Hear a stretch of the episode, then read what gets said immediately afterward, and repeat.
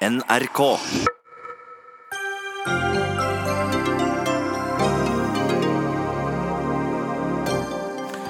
Skiskyttersportens mest omtalte mann kommer til Dagsnytt 18. Suspendert president i Det internasjonale skiskytterforbundet, Anders Besseberg, som nekter plent for å ha mottatt bestikkelser, men etterforskes nå fra skjult russiske dopingprøver. Hvordan behandler Senterpartiet egentlig varslingssaker? Avisen Nasjonens kommentator er langt fra imponert, og møter partiets generalsekretær til sending. Vestens ledere i krisemøter om mulig angrep på Syria, men hva sier norske politikere? Og spørsmålet om aldersgrense på omskjæring av gutter splitter SV, mens forstanderen i Det mosaiske trossamfunn mener en aldersgrense i praksis betyr et forbud for norske jøder.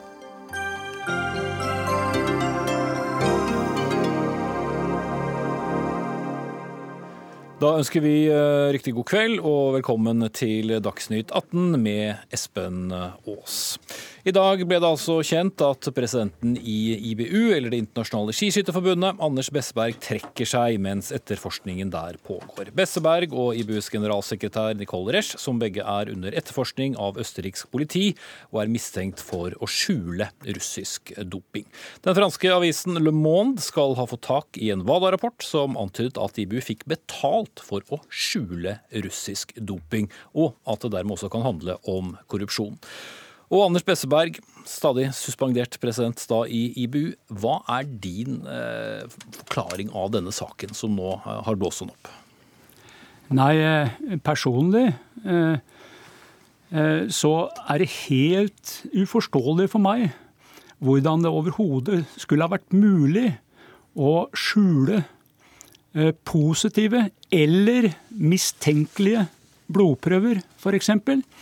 For eh, her bruker man jo WADA-akkrediterte laboratorier, hvor prøvene blir rapportert direkte inn, og hvor IBU-kontoret får kopi.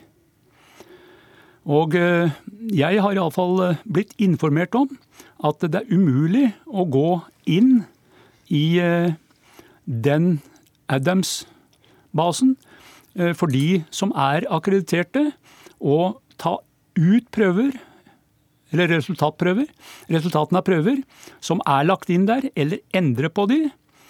Eh, hadde det vært mulig, så kunne man lett ha mistenkt enkelte folk. For hos oss så er det fire personer som har den akkrediteringa, at de kan komme inn der. Og det er ett styremedlem, visepresident medisin, og det er generalsekretæren. Det er antidopingadministratoren, og det er den legen vi har som jobber med disse tinga, som er ansatt på heltid. Altså generalsekretæren, da mener du deg selv? Nei, jeg, jeg var president. Ja. I dag president som ikke ja. fungerer. Så det er eh, Så du, kunne, du, hadde ikke hatt noen mulighet til dette selv? Nei, jeg har ikke akkreditering til å komme inn der. Og det skal visstnok også være umulig. Og det trodde jeg til for eh, i ettermiddag. Men det er visst et åpent spørsmål òg om disse såkalte crazy bears har mulighet til å gå inn. De har jo vært inne og hacka WADA. Om de har vært inne i den databasen har jeg ingen formening om. Men uh, det var jo én uh, som er litt ekspert på dette, som sa at det kan jo ha vært en teoretisk mulighet. Men da i tillegg så har jo også kommet en e-mail fra laboratoriet til oss med de samme opplysningene som blir lagt inn i den databasen. Så jeg ser på det som helt hypotetisk. Men likevel så har vi jo da, da denne etterforskningen. og ja. hva, hva, tenker du om at dette har, har blitt den saken det har blitt? Jo, jeg mener at uh, har man mistanke om at det har vært et eller annet her, så skal vi hilse veldig velkommen alle skritt for å uh, finne ut av de uh, typene saker. For eh, antidopingarbeid står jo høyt på listen til alle som holder på med idrett. Mm. Eh, og noe annet kan man vel ikke si heller når man eh, er innenfor eh, toppidretten. Men eh, du har også eh, sittet i, i, i, denne stillingen altså siden tidlig 90-tall. Hva føler du det gjør med din kredibilitet og din stilling nå med de beskyldningene som foreligger? Nei, det er jo ingen hemmelighet at jeg var vel egentlig den som i praksis grunnla Det internasjonale skiskytterforbundet i 93. Og vi har jo hatt en fantastisk utvikling. Og jeg har fått gjennomført veldig mye av det jeg syns var veldig viktig. Kanskje det viktigste var at jeg til slutt klarte å overbevise mitt eget styre og Medlemsforbundet om at vi skulle innføre såkalt miks stafett. Jeg ville gjerne hatt dobbeltmiks og singelmiks samtidig, men jeg klarte iallfall å få flertall for miks stafett. Mm. Men selv utøvere fra de beste nasjonene var ikke begeistra for etter noen år. Mm. Og, ja. ja. Jeg bare bryter av den delen hvis vi går tilbake til, til selve saken også. Ja. Føler, du, uh, altså, en, føler du det som en diskreditering, uh, dette? Altså, Hvordan tar du dette personlig? Ja, personlig så må jeg si at jeg ser veldig alvorlig på det. Og at det på ingen måter er en trivelig sak. Så den skulle jeg selvsagt gjerne vært foruten. Eh, du er jo da eh, suspendert eh, som du sier, mens etterforskningen pågår. Men du velger altså likevel å gå ut og, og kommentere og, og, benekte. Burde du ventet? Eh, nei. Eh, det her er to alternativer. Det er at du sender ut en pressemelding og sier at det fins ikke andre eh, informasjoner per dato. Det er det som blir gitt. Eller du går ut og svarer på de Eh, spørsmål du får. Og det eh, er etter at jeg har svart på spørsmålene fra de østerrikske etterforskerne. Det er jo Østerrike som etterforsker denne saken. Og jeg syns eh, at det er riktig, for klart, skiskyting er en populær idrett i Europa, og ikke minst i Norge. Og det sitter hundretusener der ute som lurer på hva dette er. Og jeg må egentlig si jeg er glad for at eh, media eh, viser denne interessen, og at det er min plikt å besvare de spørsmåla jeg får, slik at de 100 000 der ute eh, får, iallfall forhåpentligvis, svar på det de spør om. Og jeg har svart ærlig til alle de mediefolk som har eh, kontakta meg. Det er sikkert noen som ikke har nådd meg pga. at jeg har vært avhengig av å ha telefonen en del på flymodus. Så, men jeg har prøvd å ringe noen tilbake igjen også. Så sånn sett så syns jeg eh, at det er riktig, for jeg har fått fikk, Det var sagt klart at eh, ok, de hadde ingen flere spørsmål, men det kunne hende at de ville ha noen tilleggsspørsmål på et seinere tidspunkt, for jeg har nå, nå mulighet til eh, å komme ned til kontoret deres i, i Wien og se på eh, dokumentasjonen de sitter på, bevis de sitter på, osv. Og, og det er ikke aktuelt på nåværende tidspunkt, for nå skal jo først vitneopptaket skrives under av mm. meg. Men du har fortalt alt? Ja, jeg svarte på alle spørsmål. Og jeg hadde tilbud om å ha advokat, og jeg sa på denne uh, typen uh, sak, så kan jeg ikke se at jeg skulle ha noe behov. Og jeg kunne bare si ifra hvis jeg ville ha stopp i avhør og tilkalle advokat. Men uh, det var ingen grunn til etter hvert, etter, mm. underveis. Ok, eh, Hans Henrik eh, Løken, du er i Østerrike og på vei til Gras for å dekke denne saken for NRK, og har nettopp snakket med østerriksk politi, som da altså etterforsker anklagene mot Besseberg og generalsekretæren. Hva er status der? Status eh, er som eh, kjent at eh, IBU etterforskes for å ikke ha reagert tilstrekkelig på informasjon om doping og disse korrupsjonsanklagene som går på at østerrikske myndigheter, politi, mener at IBU skal ha mottatt bestikkelser for å skjule doping. Etter samtale med Østerriks politi, så sier de at eh, vi vil ikke kommentere hvorvidt vi har bevis, men vi har indikasjoner på eh, at noe et lovbrudd har skjedd, og som vi er nødt til å forfølge. Hva kommer til å skje videre?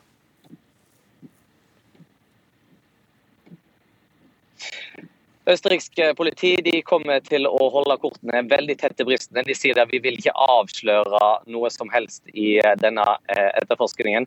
Det er veldig viktig for oss å holde det vi har av informasjon tett inntil videre. Så her må man bare vente og se hva de kommer ut med av nye opplysninger. Eh, kort til slutt, eh, Hans Henrik Løken. Du har også snakket med Martin Kuchenmeister, som er fungerende generalsekretær i IBU. Hvordan kommenterer han de alvorlige anklagene mot ledelsen?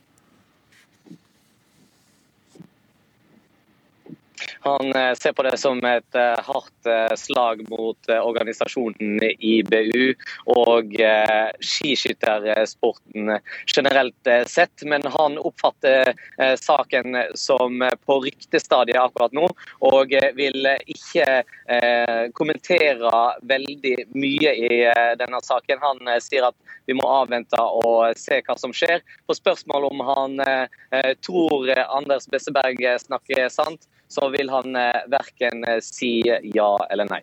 Ok, Takk til deg, Hans Henrik eh, Løken. Tilbake til studio, hvor vi har samlet et panel. Esten Oseter, sportskommentator i Dagbladet. Halvard Hanevold, tidligere ekspertkommentator her i NRK og vinner av flere OL- og VM-gull. Og eh, Rakel Rauntun, generalsekretær i Skiskytterforbundet. Eh, begynner med deg, Sæther. Du har jo skrevet mye om IBU og holdningen til doping. Hvordan skal du, vil du oppsummere den siste utviklingen? Altså, det er jo to helt forskjellige saker. Anders Westberg og jeg er ganske så uenige om hva som eh, hjelper for å få stoppet eh, den dopingsvindelen som, som, foregår eh, veldig utbredt i idretten hans. Jeg mener at de ikke har vært flinke. Og jeg syns at han burde ha trukket seg tidligere pga. det. Derimot har jeg ingen mening om selve saken. Det er jo helt umulig for oss å, å vite noe. Vi, vi, kan jo ingenting om, om, hvilke bevis som er samlet inn. Jeg kan en del om hvordan slike bevis samles inn, og vet at WADA eh, de siste årene har jo kommet i et veldig tett samarbeid med internasjonalt eh, politi. Og selvfølgelig er det en alvorgrad over det som er, som er stor. Det skjønner jo alle som er implisert. Men det er Én ting er en, eh, en ettersøkning, en, en razzia. Noe annet er en, eh, er en, tiltale. Så det er et langt, langt steg eh, dit. Men er det, det greit ut fra det du sier at det nå blir satt søkelyset også fra politiets side? Ja. Ja, Det har jo ikke jeg noen grunn til å si i det hele tatt. Jeg, og det har ingen, ingen, av oss. Det som jeg syns er veldig eh, greit, er at, vi, er at vi diskuterer eh, hvordan vi skal klare å stoppe stoppe denne dopingen. Eh, og at vi skjønner etter hvert at vi er nødt til å stå opp og ta ansvar, flere av oss. Altså både utøvere, både mediene som sitter med senderettighetene, og sponsorer for å få det til. Fordi det er veldig, veldig vanskelig i denne idretten og i flere idretter. Men vi er på et stadium i, eller stadie i, i historien hvor det ser ut som det kan vippe i en, i en bra retning. Mm. Eh, Rakel Reintun, også stadig generalsekretær i Norges Skiskytterforbund. Hva er din eh, reaksjon på det som nå skjer?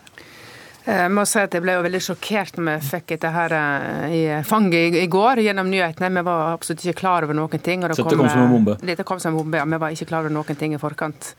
Og i dag så ligger det at vi, vi vil jo det er viktig for oss å ta vare på idretten vår, det er viktig for oss å ta vare på skiskytingen. Det er viktig for oss å, å, å være med nå eh, framover. For uansett hva utfallet blir av denne saken her, eh, om dette her blir henlagt at det renner ut i sanden, eller om det faktisk blir noe mer konkret, uansett hva som skjer der, så har det skjedd en skade eh, som vi må eh, være med og bygge opp igjen. Men, da, men, hva slags skade har skjedd? Det er en omdømmeskade når, når, når det går til det skrittet at det blir politirazzia og eh, er så mye i media i forhold til såpass negativ sak. Det, det, er ikke bra. Og Når det går så langt at det blir en politirazzia, så er det jo et eller annet sted at det er eh, noe som ikke er godt nok. Om det er i et systematisk eh, system, eller om det er på personlig nivå. Det er helt umulig å si nå, men det betyr jo at det er kanskje på tide å se litt på hva vi skal gjøre framover. Og vi har lyst til, som Norge, som en sterk eh, nasjon i IBU, medlemsnasjon, å være med på å, å sammen med IBU og andre nasjoner. og viktig for oss å være med å bygge opp igjen tilliten til, til sporten vår og, være, og mer av troverdigheten vi trenger, både for løperne våre og eh, publikum og, og samarbeidspartnere og, og, flere. Mm. Er du enig i Sæthers eh, beskrivelse av eh, dopingidretten? Det er jo klart at eh, med det som vi har hatt gjennom i vinter, med, med, med IOC og det som skjedde i Pyeongchang og, he, og, hele historien, selvfølgelig er jo det et problem. Det er det, Men jeg tror også at det absolutt er mulig å komme, om det ikke kommer til livs, i hvert fall ta et steg videre. Jeg er jo enig at vi er på, helt klart på riktig steg eh, og på viktig vei framover. Og det er veldig viktig. Eh, og vi i, i forbundet tar doping, eller antidopingarbeidet veldig alvorlig. Vi jobber tett med Antidoping Norge og har gode handlingsplaner på det. Det er viktig for oss å ut utdanne yngre utøvere og hele veien opp til eliteutøvere på dette feltet her. Og vi jobber jo for en troverdig og god idrett der det er tillit til at vi, vi, konkurrerer på like vilkår. Mm. Ok, Jeg skal straks tilbake til deg, Setter, men ta inn Halvor Hanvold også. Eh, altså tidligere ekspertkommentator her hos oss, og, selv eh, vinner. Hvordan eh, reagerer du på disse anklagene, og hvor skadelig er det? Jeg, jeg reagerer jo også med, med sjokk og, og vantro på, på, på, dette her. og i, i forhold til skade så er det jo, som Rakel sier, det er en, det er en omdømmeskade. Og, og, og, det er ikke bra at, ja, at man er i en, si, en situasjon eller posisjon hvor noe sånt kan skje. Eh, så det, det som, det, men det som er viktig nå, avhengig av hvor stor skaden blir, det er selvfølgelig utfallet her, men ikke minst hvordan det blir håndtert, og at det blir gjort med en veldig åpenhet og en veldig offensivitet fra IBUs side for å, eh, for å virkelig vise at, at man ønsker å, å, komme videre fra dette. her. Har de spilt en uh, viktig rolle i kampen mot doping, IBU? Ja, de, altså, de, har jo spilt en, en, viktig rolle som den som har administrert eller ja, sammen med hva da, i forhold til, til eh, skiskytterprøver og den biten. Og, hvorvidt det er bra nok, det, det, det, har ikke jeg noe veldig god mening om. Bortsett fra at det er klart, eh, det har jo vært litt rumling rundt det. Det, jo, det ble jo en ekstraordinær general... Ja, kongress under VM i fjor. og Det var jo etter opprop fra det var vel 200 løpere ledere som syntes det ikke, ikke var gjort nok. Så det, jo, det har jo vært litt forskjellige meninger om det har vært gjort nok fra IBUs side, også internt i organisasjonen. Mm. Eh, Setter, eh, hva vil denne saken ha å si for norsk idrettsomdømme, tror du? Jeg tror ikke den eh, betyr noe spesielt. Altså, vi ser at uh, våre ledere har samme utfordringene som alle andre sine ledere. Det, det går på tvers av, av nas, nas, nasjonsgrenser. Men det jeg er opptatt av, er at vi ser de øyeblikkene hvor vi er nødt til å stå opp. Og der er jeg selvfølgelig skuffet var i forkant av eh, verdenscupfinalen i Russland. Eh, at ikke våre nasjonale ledere valgte å stå på det standpunktet som de egentlig hadde. Man ønsket jo ikke å dra til Russland, og så ble man presset av utøverne som syntes det var trist å ikke få lov til å konkurrere. Men da må noen være voksne nok til å si at eh, denne gangen så kan vi ikke gjøre det. Vi er nødt til å lage en boikott, fordi nå er det noe som skjer i forhold til russisk sportskultur. Og den markeringen må vi være med på, rett og slett. Mm. Da ligger det en skygge over, eh, over sporten? Ja, det er jo ingen tvil om. Når man ser på McLaren-rapportene og omfanget av skiskyttere i, i den russiske skandalen, så er det klart at uh, dette er en idrett i, uh, i, trøbbel. Men samtidig så er det jo en fantastisk flott idrett. Altså, vi, vi, er jo så glad i denne idretten. Og det er ingen tvil om at det er Besseberg som har jobbet den fram til det underholdningsproduktet som den er. Men så ser vi også at eh, slike suksesshistorier med de samme, den samme lederen over så mange år, gjør at man av og til mister litt eh, fartsfølelse. Eh, man blir litt for selvsikker, som jeg syns du har vært. Og du har ikke vært hør, hørt godt nok etter når folk har sagt at nå må vi ta et ordentlig tak i dette som skal endre idretten vår i positiv retning. Mm. Vestberg, du skal selvsagt eh, da få lov til å svare på det, og skal også få, få siste ord. Jeg vil også bare skyte inn og spørre deg, Frykter du nå eh, flere eh, avsløringer rundt denne saken, eller vil du nå bli sittende ganske rolig ut fra den informasjonen du sitter på på sidelinjen? Nei, jeg, det er, da må det komme opp nye la oss si, punkter som de ønsker å etterforske og nærmere inn på.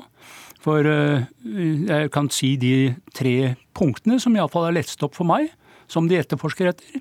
Det ene er, første var at det skulle under VM 2017 i Hochfilzen være russiske leger og ledere eh, som var i besittelse av dopingmidler pluss eh, forbudte metoder. Og det andre var at IBU har tillatt dopede utøvere å starte, hvilket har da medført at det var løpere som fikk plasseringer og premiepenger som de ikke skulle ha. Mm.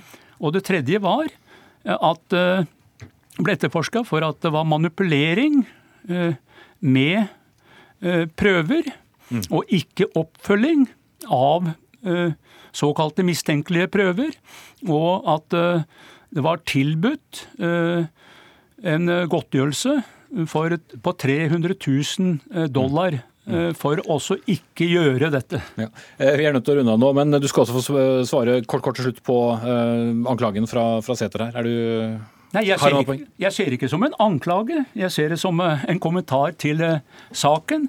Og jeg er eh, egentlig enig i mye av det han sier. Og det er også en kjensgjerning at jeg ville trekke meg i 2010, men det var ingen som ville stille opp. Jeg ville hatt inn en ung, dyktig svensk kvinne, Magdalena Forsberg, men Sverige ønska ikke å kandidere med henne. Og jeg ønska heller ikke i 2014 men forbundet kom hjem til meg seint på siste ettermiddag, hvor jeg underskrev på OK, jeg kandiderer. Det var to kandidater. Det var alle kjente Aleksandr Tikhanov og Jim Karabré. Og i den situasjonen, OK, da får jeg ta det. Men jeg er helt enig med Sæther. I min alder, 72 år, da kikker jeg meg mye mer bakover skuldra enn jeg kikker framover. Da lar vi det være siste ord, og så er det åpenbart eh, mange kapitler både som skal skrives fra forbundets side, men også i denne saken. Takk skal dere alle fire. Dagsnytt 18 alle hverdager kl 18.00 på NRK P2 og NRK2.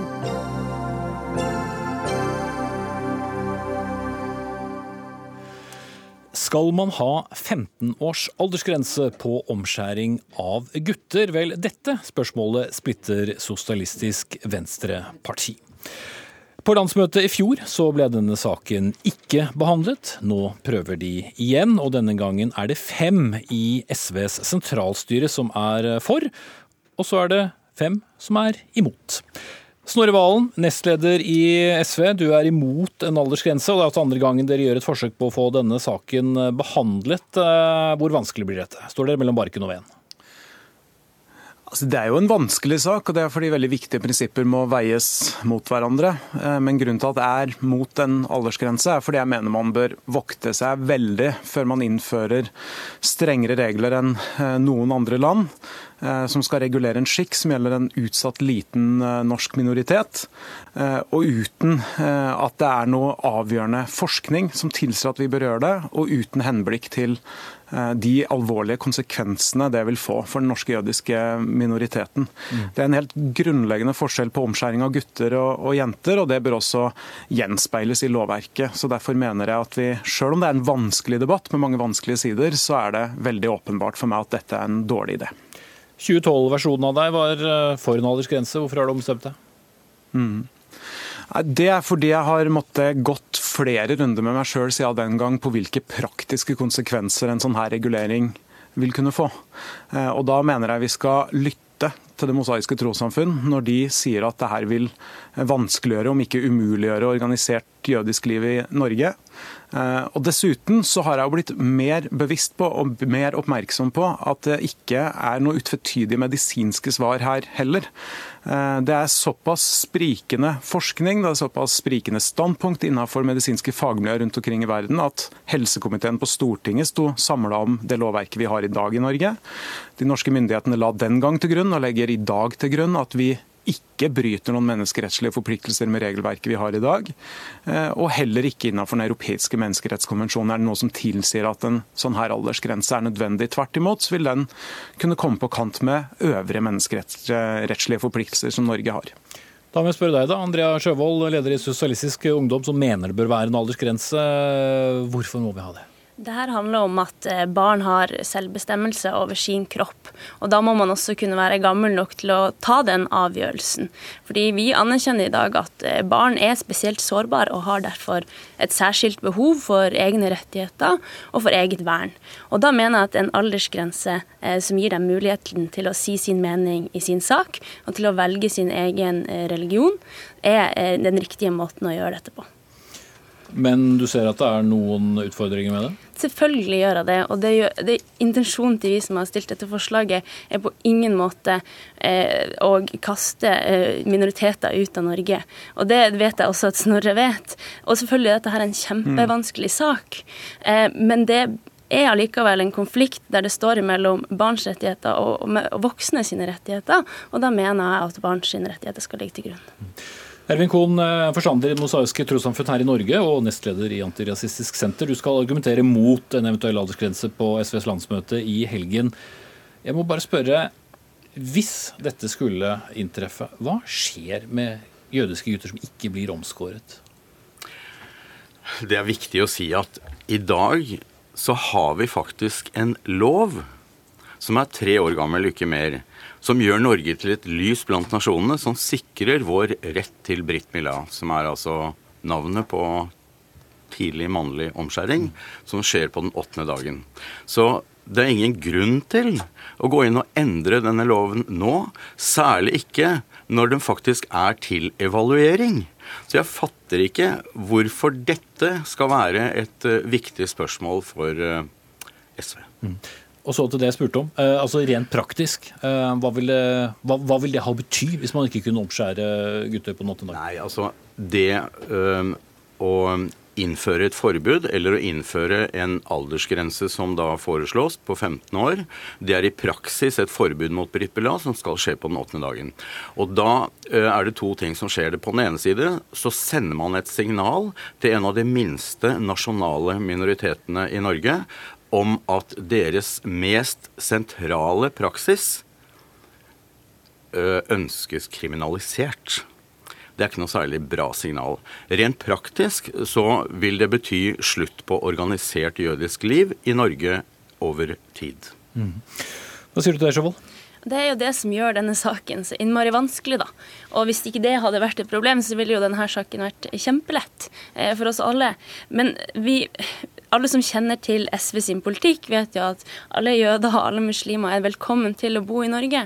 Men her står vi i en sak der det er en konflikt mellom barns rettigheter og voksne sine rettigheter. Og barn er spesielt sårbare, og jeg mener at derfor at vi må ta deres, eh, deres eh, sak i dette her. For det her handler om at man ikke skal få lov til å gjøre irreversible inngrep på kjønnsorganet til små guttebarn. Og da, eh, I hvert fall at de skal få lov til å uttale seg om den saken før de ønsker å gjøre det. Og det er en, en rettighet som jeg vil legge til grunn i denne saken. Mm. Eh, Snorre Valen, eh, det finnes eh, de som stiller spørsmål om det er også politisk korrekthet som tidligere har forhindret dere litt i å, å ta en avgjørelse her. Hva sier du det? Nei, altså, Det er jo ikke alle som syns politisk korrekthet i vår tid er et skjellsord. Eh, jeg tenker vel kanskje med den oppblomstringa av hat og demagogeri som finnes i både Europa og USA, så kan vi alle trenge litt mer politisk korrekthet til tider. Eh, det er både jeg og Andrea Sjøvold veldig opptatt av. og Derfor er vi også begge ærlige på at dette er en krevende debatt å ta, men vi er villige til å ta den. Så lander vi på ulik konklusjon, eh, og det er fordi vi vekter prinsippene litt ulikt.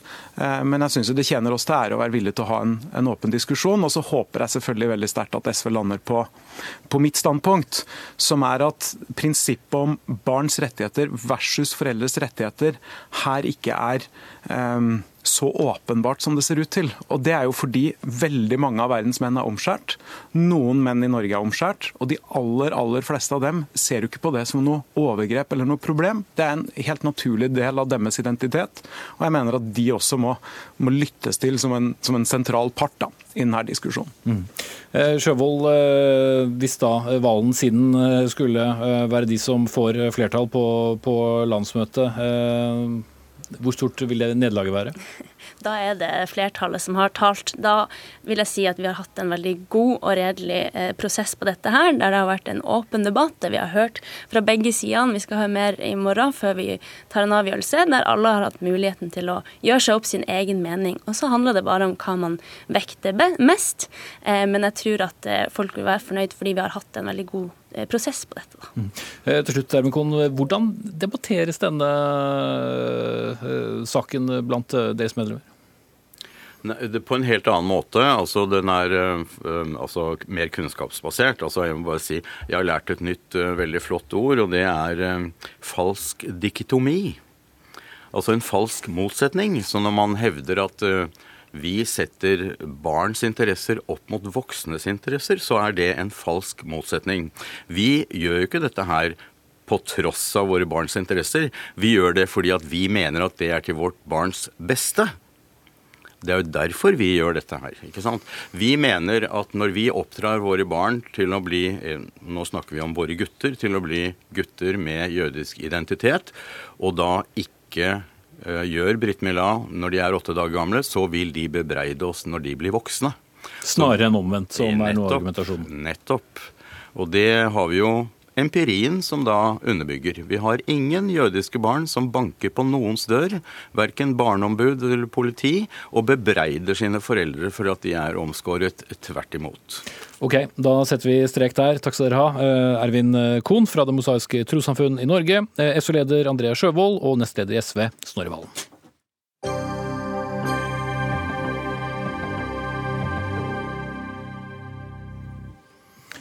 Vi eh, fortsetter eh, utenriks nå. Et eh, angrep mot Syria kan komme veldig snart.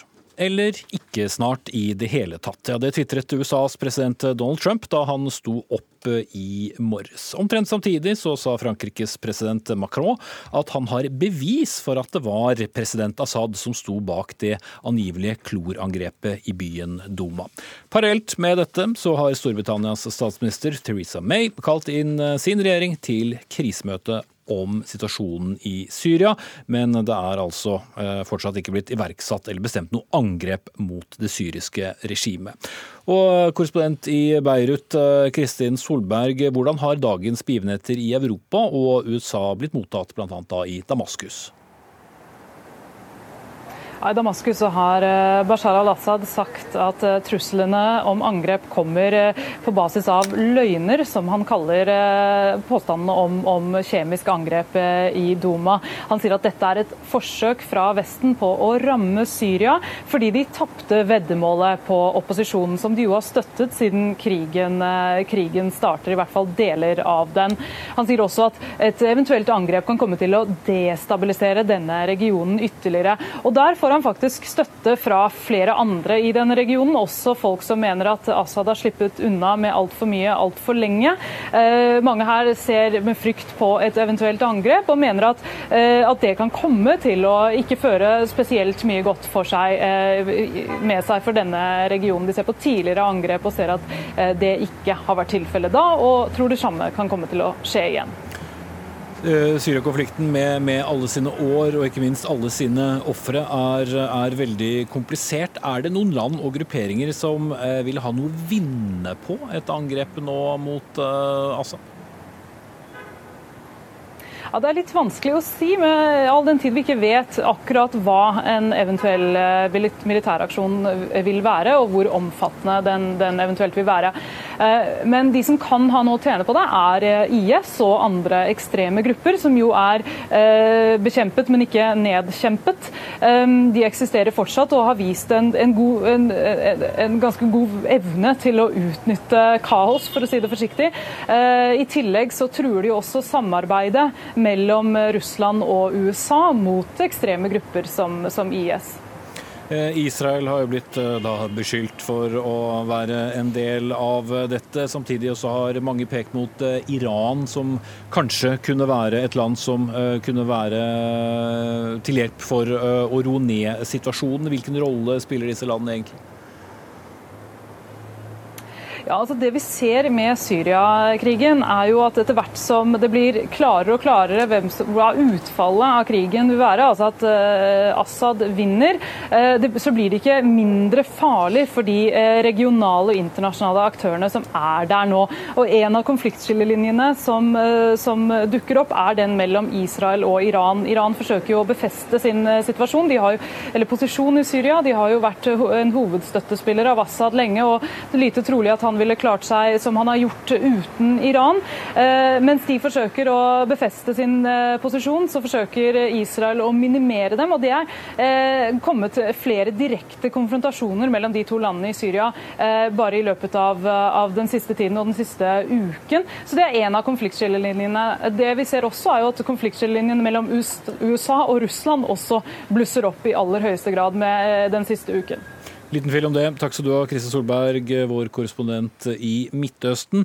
Og som jeg var inne på, Syriakrigen preger altså det internasjonale ordskiftet. Statsledere fra en rekke land snakker nå både om hevnangrep for det angivelige klorangrepet og en viss fare for at Syriakrigen igjen skal eskalere. Men her hjemme har vi ikke sett helt den samme oppmerksomheten, kanskje. Eh, Michael Tetzschner, stortingsrepresentant for Høyre og medlem av utenrikskomiteen. Eh, hvordan snakker dere om denne saken? Jeg tror vi tverrpolitisk eh, er eh, veldig urolige over det som skjer. Eh, og det blir jo endringer i nyhetsbildet.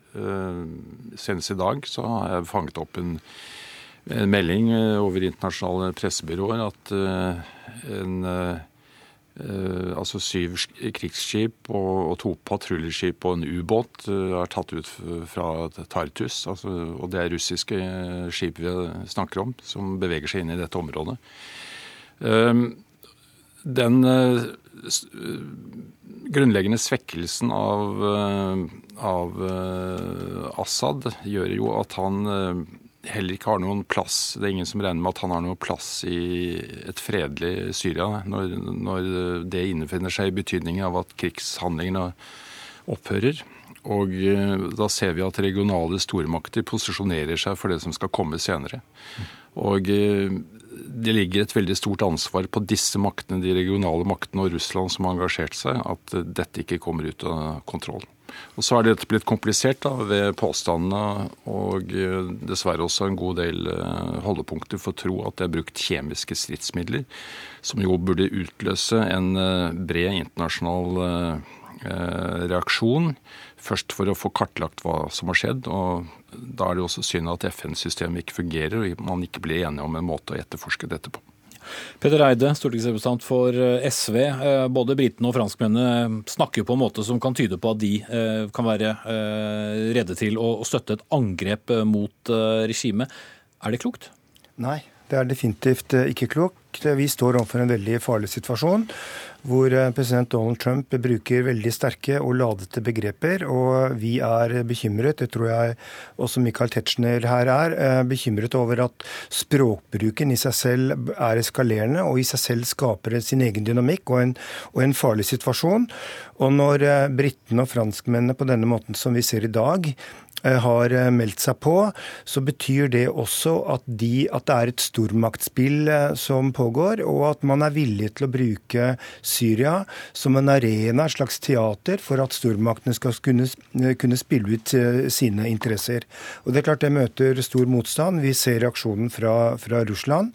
Så det er klart det er en farlig situasjon som lett kan komme ut av kontroll. Så jeg mener vår rolle nå i Norge eh, er at vi må være veldig tydelige. Vi må være veldig tydelige til våre allierte at eh, dette, denne konflikten er uønsket, eh, den er farlig, og vi må si tydelig og klart nei til et angrep på, på Syria. Denne konflikten har vært i mange år. Skulle vi lagt antall ofre ved siden av hverandre eh, for denne krigen, så ville det blitt en lang, lang rekke. Eh, og mange ser jo disse grusomme bildene som i hvert fall angivelig skal stamme fra dette klorangrepet. Føler vi likevel at denne saken er høyt nok oppe på agendaen? Ja, Man kan jo si at eh, når, når en borgerkrig har rast siden 2011, så blir det også etter hvert Eh, og det ser vi fra andre katastrofer og humanitære ulykker, så blir det en, en slags tretthet. Uh, det kan jo til og med være at man, uh, man, kunne tenke at en av sidene burde vinne, og så kan man begynne å etablere et nytt samfunn på ruinene av det gamle. Men her er det jo da blitt en ytterligere farlig utvikling ved at det brukes Eh, kjemiske eh, våpen, antagelig. Og det, bare det at man ikke får slått fast det på en autoritativ måte, og at man da også for lengst har fått regionale stormakter inn i, i krigsspill her, det, det, gjør at virkningene blir enda større og, og kanskje mer betydelige for verdenssamfunnet. Men jeg er enig med deg.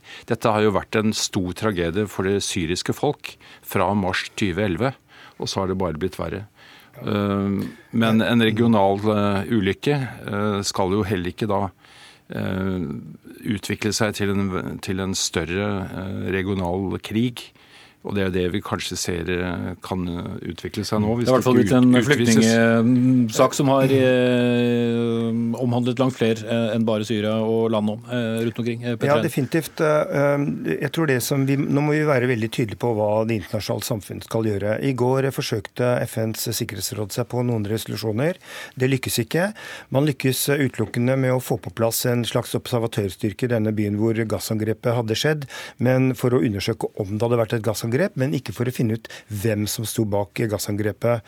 Uh, uh, um, FNs generalsekretær har vært relativt tydelig. Det er også Tysklands eh, altså Angela Merkel vært.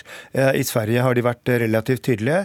Så nå er det viktig at vi også sier fra Norge at dette er en uønsket krig. Mm. Det som er det Merkel også sa klart, i motsetning til veldig, Frankrike og Storbritannia? Ja. Veldig, veldig tydelig. Og Norge skal ikke vikles inn i dette. Det vil være mitt andre budskap. Altså Hvis det nå skulle komme en, eh, en henvisning eller et ønske fra den amerikanske presidenten om at Norge skulle stille seg alliert med amerikanerne i dette, så må Norge si nei til det. Norges rolle nå er å ikke bidra til å eskalere denne konflikten på noen måte med å gi uh, uklare signaler. Snarere tvert imot. Det er å, å, å, si tydelig til våre allierte at dette vil ikke vi være med på, men at vår beskjed og vår oppgave altså Statsministeren og utenriksministerens oppgave nå det er å bidra til å roe situasjonen ned. Mm. Petter Eide og Michael Tetzschner fra henholdsvis SV og Høyre, takk skal dere ha. Hør Dagsnytt 18 når du vil. Radio NRK Radio.nrk.no.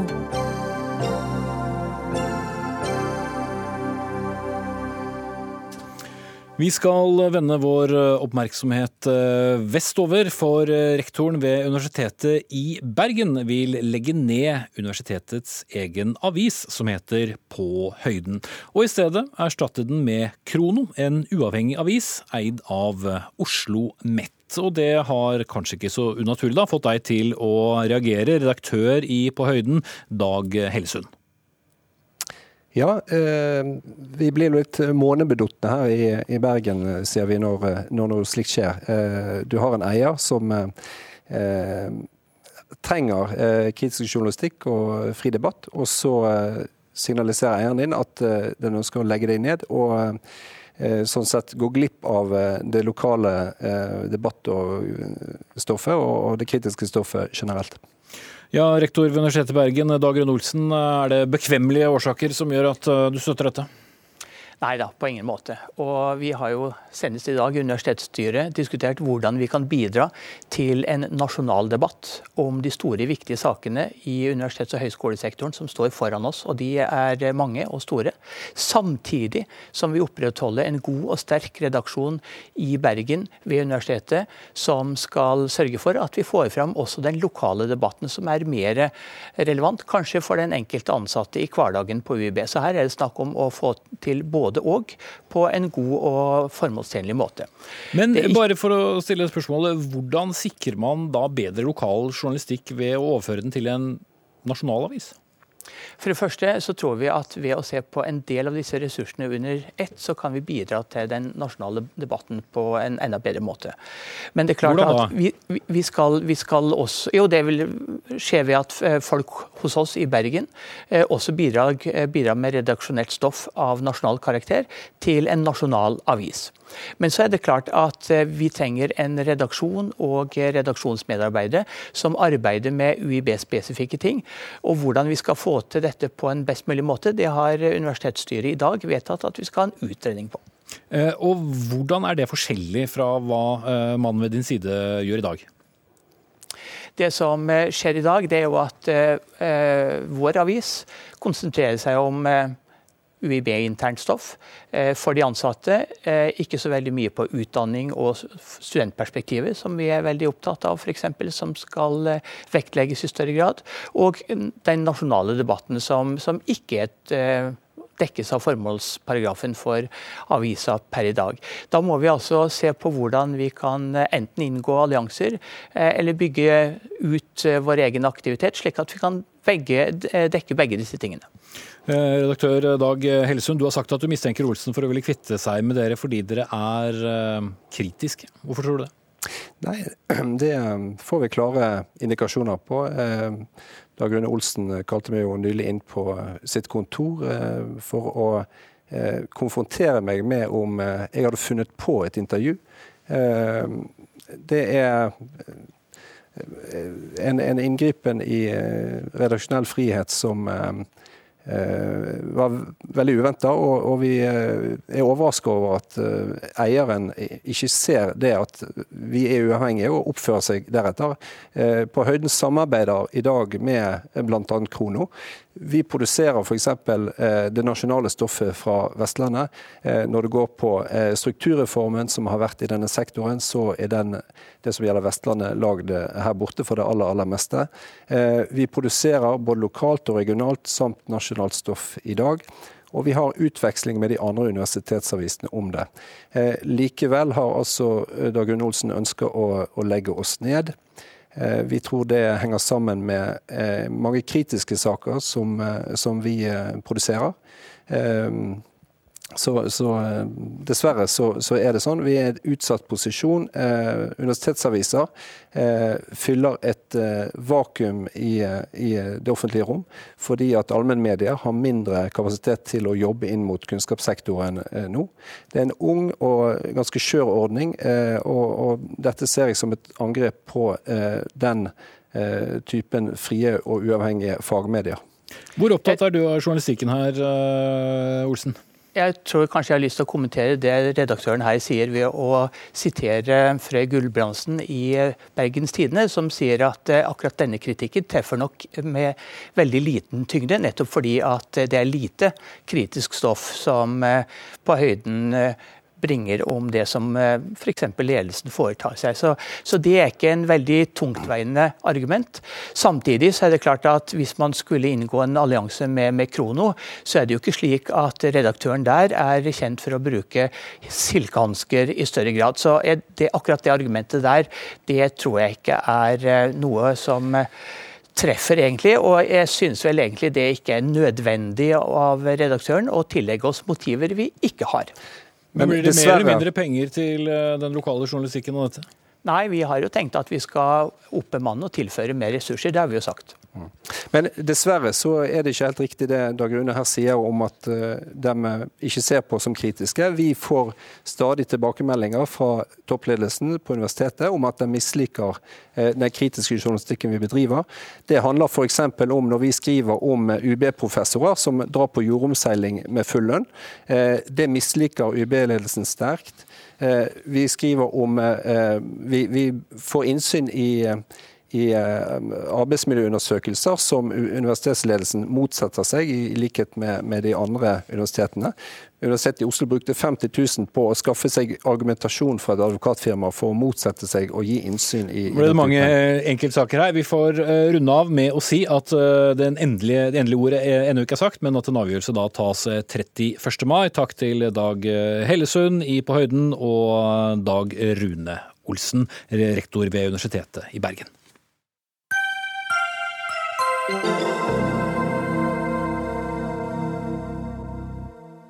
skal vi tilbake til norsk eh, politikk. Eh, Senterpartiets ledelse gjør for lite for å få elefanten ut av rommet. Ja, det skriver Nasjonen i dag om partiets behandling av varslersaker. Generalsekretær i Senterpartiet, Knut M. Olsen, har innrømmet at eh, bl.a. varslersaken til Liv Signe Navarsete ikke ble tatt hånd om eh, på samme måte som den ville bli gjort i dag. Men først til deg, Hans Bårdsgaard. Du har skrevet denne kommentaren. Hva ville du egentlig med den? Det var jo å prøve å sette ord på noe man opplever etter at for det første da, en eh, fylkesordfører fra Senterpartiet går av i januar som følge Hedmark, ja. Eh, i Hedmark ja, som følge av uønska oppmerksomhet da, mot unge kvinner. Eh, og da blir gjeninnsatt som eh, leder i fylkestingsgruppa eh, av Senterpartiet 53 dager etter at han hadde mista eh, tillit. vi vet at metoo-aktører i Høyre, Frp Arbeiderpartiet, eh, har mista sine tillitsverv og ikke fått nye.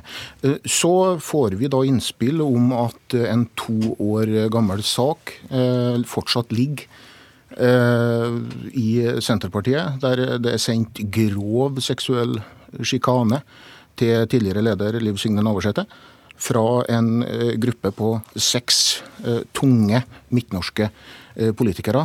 Den saken er fortsatt ikke kvittert ut. Og det gjorde det nødvendig å adressere saken, og vi har da tatt opp den. Og jeg har skrevet kommentar om den. Og også navngitt uh, veldig mange av uh, aktørene her. Var det nødvendig? Det er en redaksjonell vurdering som nasjonen tar, og årsaken til at vi landa på det, er jo at det er avgjørende for å forstå hvorfor den saken her ikke er kvittert ut. Og i og for seg fortsatt ikke ser ut til å bli kvittert ut to år etter at denne grove seksuelle sjikanen ble sendt. Knut M. Olsen, generalsekretær i eh, Senterpartiet. Partiet uten metoo-saker, eh, ble det vel også sagt fra din munn for en eh, tid tilbake. Hvordan behandler dere egentlig varslersaker? Vi tar alle saker svært alvorlig. Skal være trygt å varsle i Senterpartiet. Og også denne saken ble tatt på det største alvor. Vi er opptatt av at folk skal varsle i partiet, og vi vil heller ha et varsel for mye enn et for lite. Når det gjelder denne saken her, så ble den eh, i 2016 eh, ble håndtert eh, så fort vi ble klar over saken. Tok vi fatt i saken, både partileder, undertegnede, og den meldingen var kommet fra. Vi, og det ble gitt en sterk beklagelse fra den som eide telefonen. Og den ble da overrakt og i en dialog med Lisigny i ettertid. Eh, da oppfattet vi saken som avsluttet. For de som eventuelt ikke har fått med seg denne saken, så ble det altså sendt eh, et veldig grovt eh, ord, eller en grov setning, da, til tidligere partileder Liv Signe Navarsete fra en persons telefon. Så vidt jeg forstår, så er alle parter enige om at de ikke vet hvem som sendte den, bare fra hvilken telefon den, den ble sendt. Det er riktig, og det er viktig for meg å understreke at alle, inklusiv Liv Signe, er innforstått med at det, det, ikke var eieren av telefonen som hadde sendt meldingen. Mm. Det er den saken. Så er det den andre saken som Bårdsgaard uh, tar opp, nemlig at en fylkesordfører går av uh, pga. kommentarer. og så lurer mange på hva skjedde egentlig når den samme personen i hermetegn belønnes med et nytt verv veldig kort tid etter. Er det en riktig behandling av varslersaker? Det er viktig å understreke her at uh, Senterpartiet aldri har fått noe varsel på vedkommende. Vedkommende, eh, altså varslingen, gikk til fylkeskommunen. Det er fylkeskommunen som kjenner innholdet i varslene. De har håndtert varslene. Det førte til at eh, fylkesordføreren gikk av. Det var jo et ganske sterkt signal å gå av, da? Ja. Eh, når det gjelder håndtering i, i fylkeskommunen, når det gjelder altså i fylkestingsgruppa, så er det fylkestingsgruppa sitt ansvar i henhold til vårt regelverk. Og det, de har håndtert det. Vi sitter ikke på innholdet i varslene og kan ikke overprøve det fra vår side. Vi kjenner ikke innholdet i varselet. Og Det er ganske vesentlig. Eh, skal eh, vi ha en lav terskel på å varsle, så må det bli behandla fortrolig. Hvis ikke, så blir terskelen for å varsle for høy. Hvis folk mm. risikerer at hvis de varsler, så blir det en mediasak. Men eh, hva slags signal sender det når da vedkommende blir ny gruppeleder for Senterpartiet på fylkestinget? Da er saken behandlet og ferdig? Saken er behandlet av fylkestinget, altså administrativt. Dette er ble, ble altså eh, varslet til fylkeskommunen. Det er de som kjenner innholdet i varselet, og det er de som har håndtert varselet. Så det er ikke en Senterparti-sak? Nei, for vi kjenner ikke innholdet i varselet. Vi har ikke fått noe varsel på vedkommende. Syns du det er greit? Jeg vil ikke kommentere eh, måten det er håndtert på, så lenge jeg ikke kjenner innholdet i varselet. Du ser at det kan sende ut et spesielt signal? Eh, det kan være, men for meg er det viktig å understreke at når jeg ikke kjenner innholdet i varselet, så blir det også umulig for meg å kunne mene noe om håndteringen. Det vi har fått med oss, er at de som kjenner innholdet i varselet, det førte til at vedkommende ga seg som fylkesordfører. Ja, vedkommende har jo gitt seg som eh, fylkesordfører i det vedkommende da innrømmer at det her var en metoo-sak. Og det har nok eh, hele ledelsen i Senterpartiet, inkludert Olsen, fått med seg.